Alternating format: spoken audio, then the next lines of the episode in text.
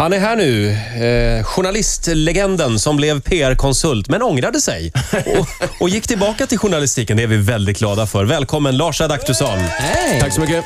Men du förstår också att vi blir lite nervösa, för nu måste vi, vi måste ju ställa världens eh, skjutjärnsfrågor.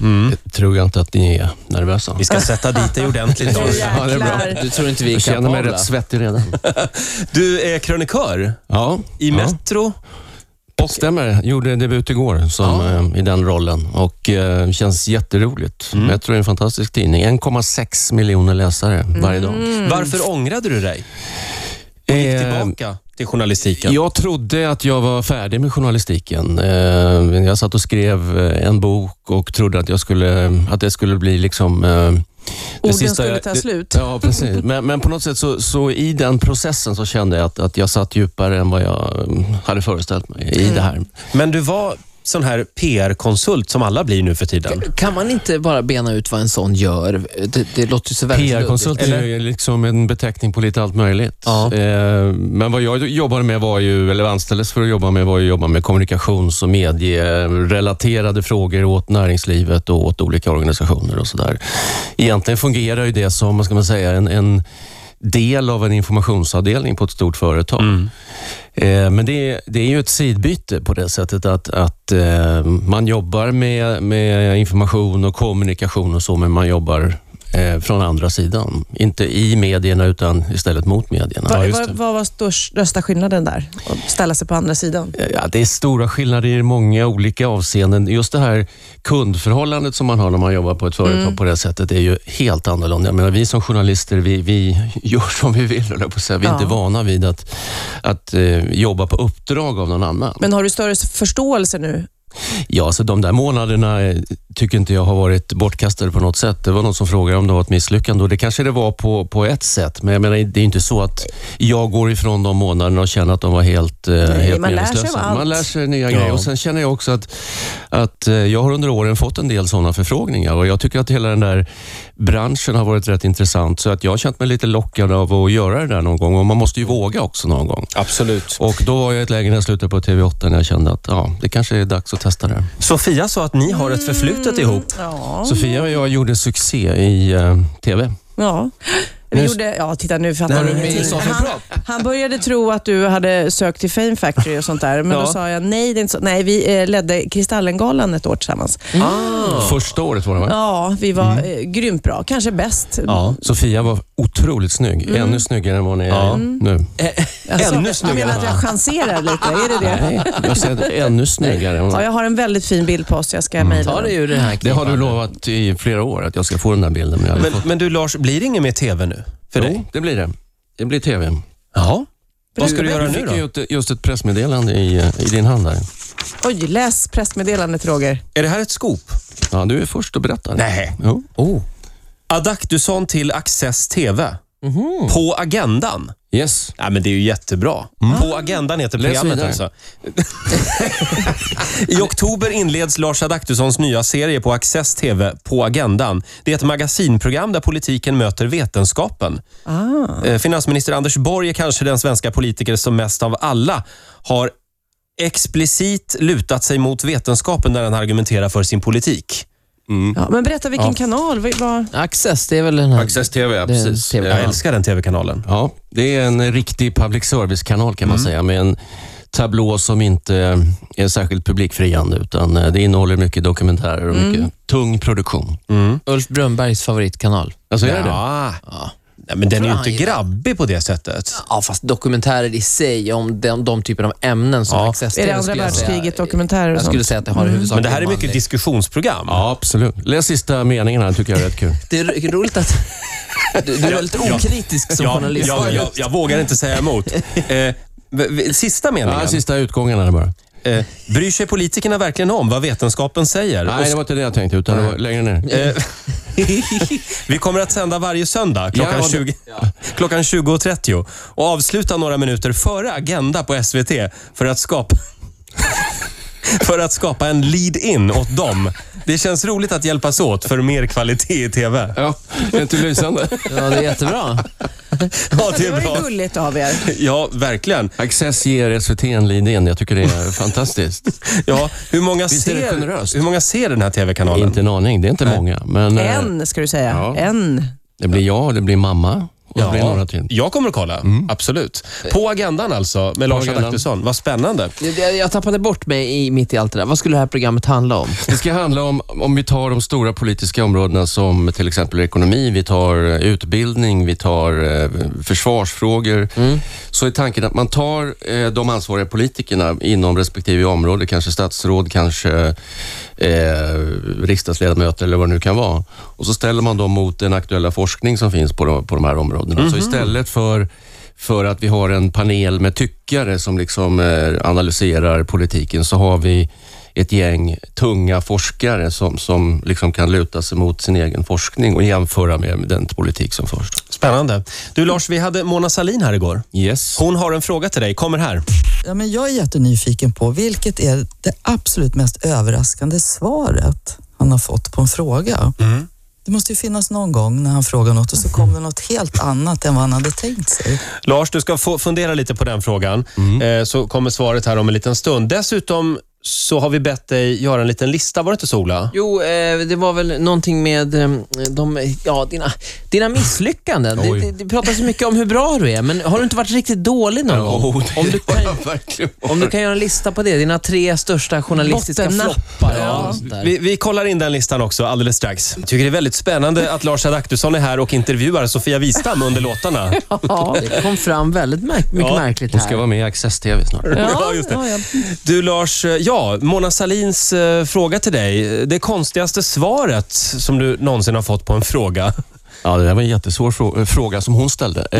Eh, jag satt och funderade och eh, eh, ett svar som jag blev oerhört förvånad över eh, att jag fick, eller en fråga som eh, att jag fick svar på den frågan var när jag en gång intervjuade Göran Persson, jag tror det var 2002 i samband med en regeringsombildning.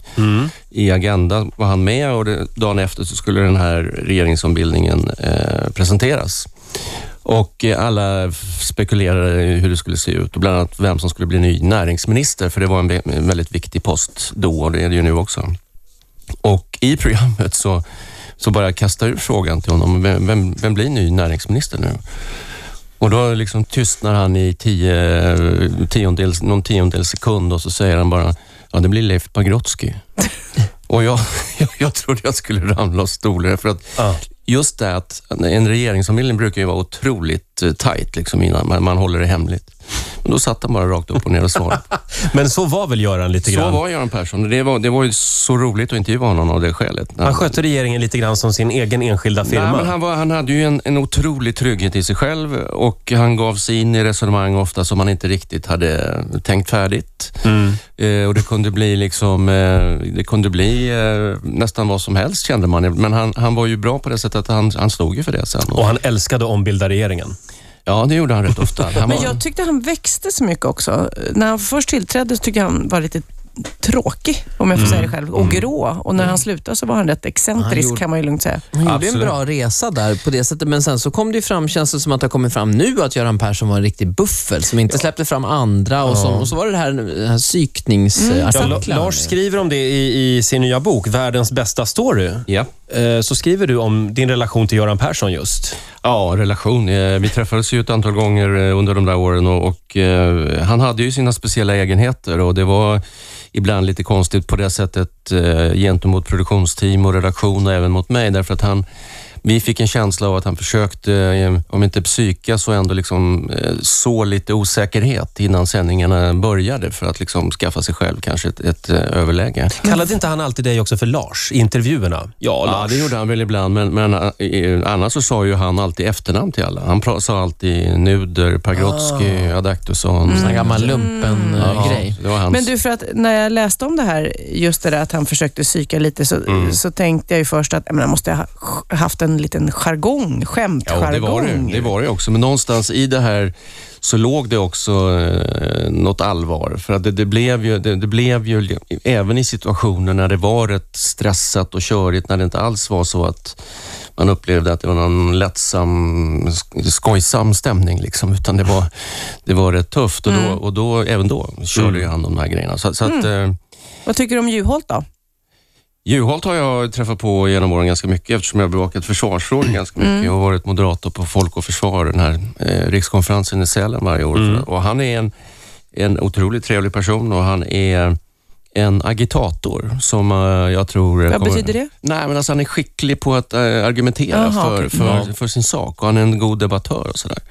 Så det tror jag man kommer att märka mer av ju närmare valet vi, kommer. Det är ju tre år kvar, men just när det handlar om debatter och när det handlar om att just agitera och sådär så, så är Blev du förvånad när han dök upp? Ja, det blev jag. Jag blev eh, väldigt förvånad och det blev väl alla. Ja. Ja, det blev alla. Inklusive han själv tror jag. Håkan har ju eh, mustaschen, men du Lars har ju håret på ett sätt. Det, det har ju alltid väldigt mycket prat om ditt hår. Och Nu förstår jag inte riktigt vad du menar. Nej, men det är det här, det, jag, har han tupé eller inte och det ska spekuleras. Och, och du har till och med fått samtal mitt i natten om det här. Ja, det var tidigt en morgon, men... eh, Ja. Det här står också i boken. En lördag morgon. Ja, precis. Det var en helt absurd situation. Vi hade jobbat jättesent och så kommit hem och somnat sent och sen, vi, jag kommer inte ihåg vad klockan var, men den var i halv sju eller något sånt där.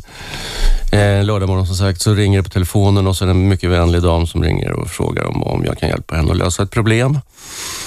Eh, och så jag sätter mig upp och undrar vad det handlar om och så berättar hon att hon och hennes man har haft en, en dispyt om eh, en fråga som jag skulle kunna lösa åt dem. Och då var frågan, eh, eh, har du peruk eller inte? och, och när hon ställer frågan där så känner jag liksom, det är någon som driver med mig eller vad, Ja, ja, ja, vad är det som händer? Så jag bara ber liksom, alltså jag måste bara bli av med luren. Så jag säger, vänta ska jag kolla och så liksom, så.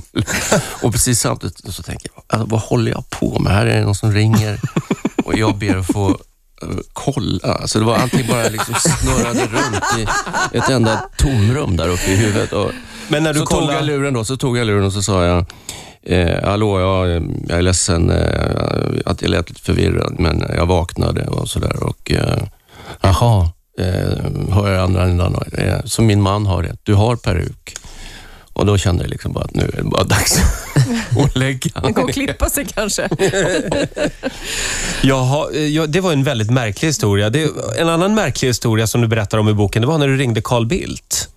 Ja, eh, det, det gjorde Och han var lite upptagen. Ja, precis. Det var under den här väldigt seriösa och allvarliga fredsprocessen om krigen på Balkan och eh, Carl Bildt var EUs medlare. Eh, Och de satt inlåsta, han tillsammans med eh, Ryssland och USAs förhandlingsdelegationer och förhandlade med parterna om, om ett fredsavtal. Och de var i det här upplägget ingick att de skulle vara inlåsta och inte kommunicera med yttervärlden och inte mm, tala med medier och sådär. Men vi hade gått runt på en pressvisning, jag och en fotograf, eller fått komma in och ta bilder innan de skulle sätta sig. Och Då hade jag varit inne i ett rum där det stod EUs medlare och där stod två telefoner med, med numren på. Så jag skrev ner de där numren och de använde jag några, några gånger. Och eh, vid ett tillfälle då när jag ringde till på det där numret så, så svarade Bildt och så sa jag att eh, eh, Hej, det är, det är Adaktusson här. Vad gör ni?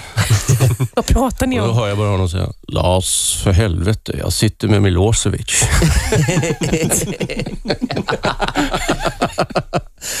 Men det är det som gör dig till en riktig journalist, Lars. Du skrev upp numren. Ja. Nej, När du det, såg var ju, dem. det var ju inte så svårt. Fast Men- vill man veta vad eh, Carl Bildt gör, då behöver man bara kolla Twitter. Ja, det är sant. Numera. Men det fanns inte då. Nej. Det här var på Men du, stenåldern. jag undrar ju fortfarande, titeln på boken Världens bästa story, eh, är det en- story du har eh, hittat eller har du den framför Nej, det, dig? det är så att eh, när jag bevakade kriget i, i Bosnien så, så jobbade jag mycket tillsammans med Staffan Heimersson som, Mm. som var radions korrespondent. Och ibland när vi fastnade i vägspärrar eller när logistiken liksom ställde till det så var han liksom en sån där person som var väldigt bra på att uppmuntra. Och då sa han ofta så här, kom ihåg vi är på världens bästa story. Mm. Eh, och Det där är för mig en illustration på den här paradoxen som finns i journalistiken. Att, att ett krig och att en tragedi eller vad det nu kan vara, kan vara en väldigt bra story eh, rent journalistiskt. Mm. Eh, så själva titeln syftar på just det.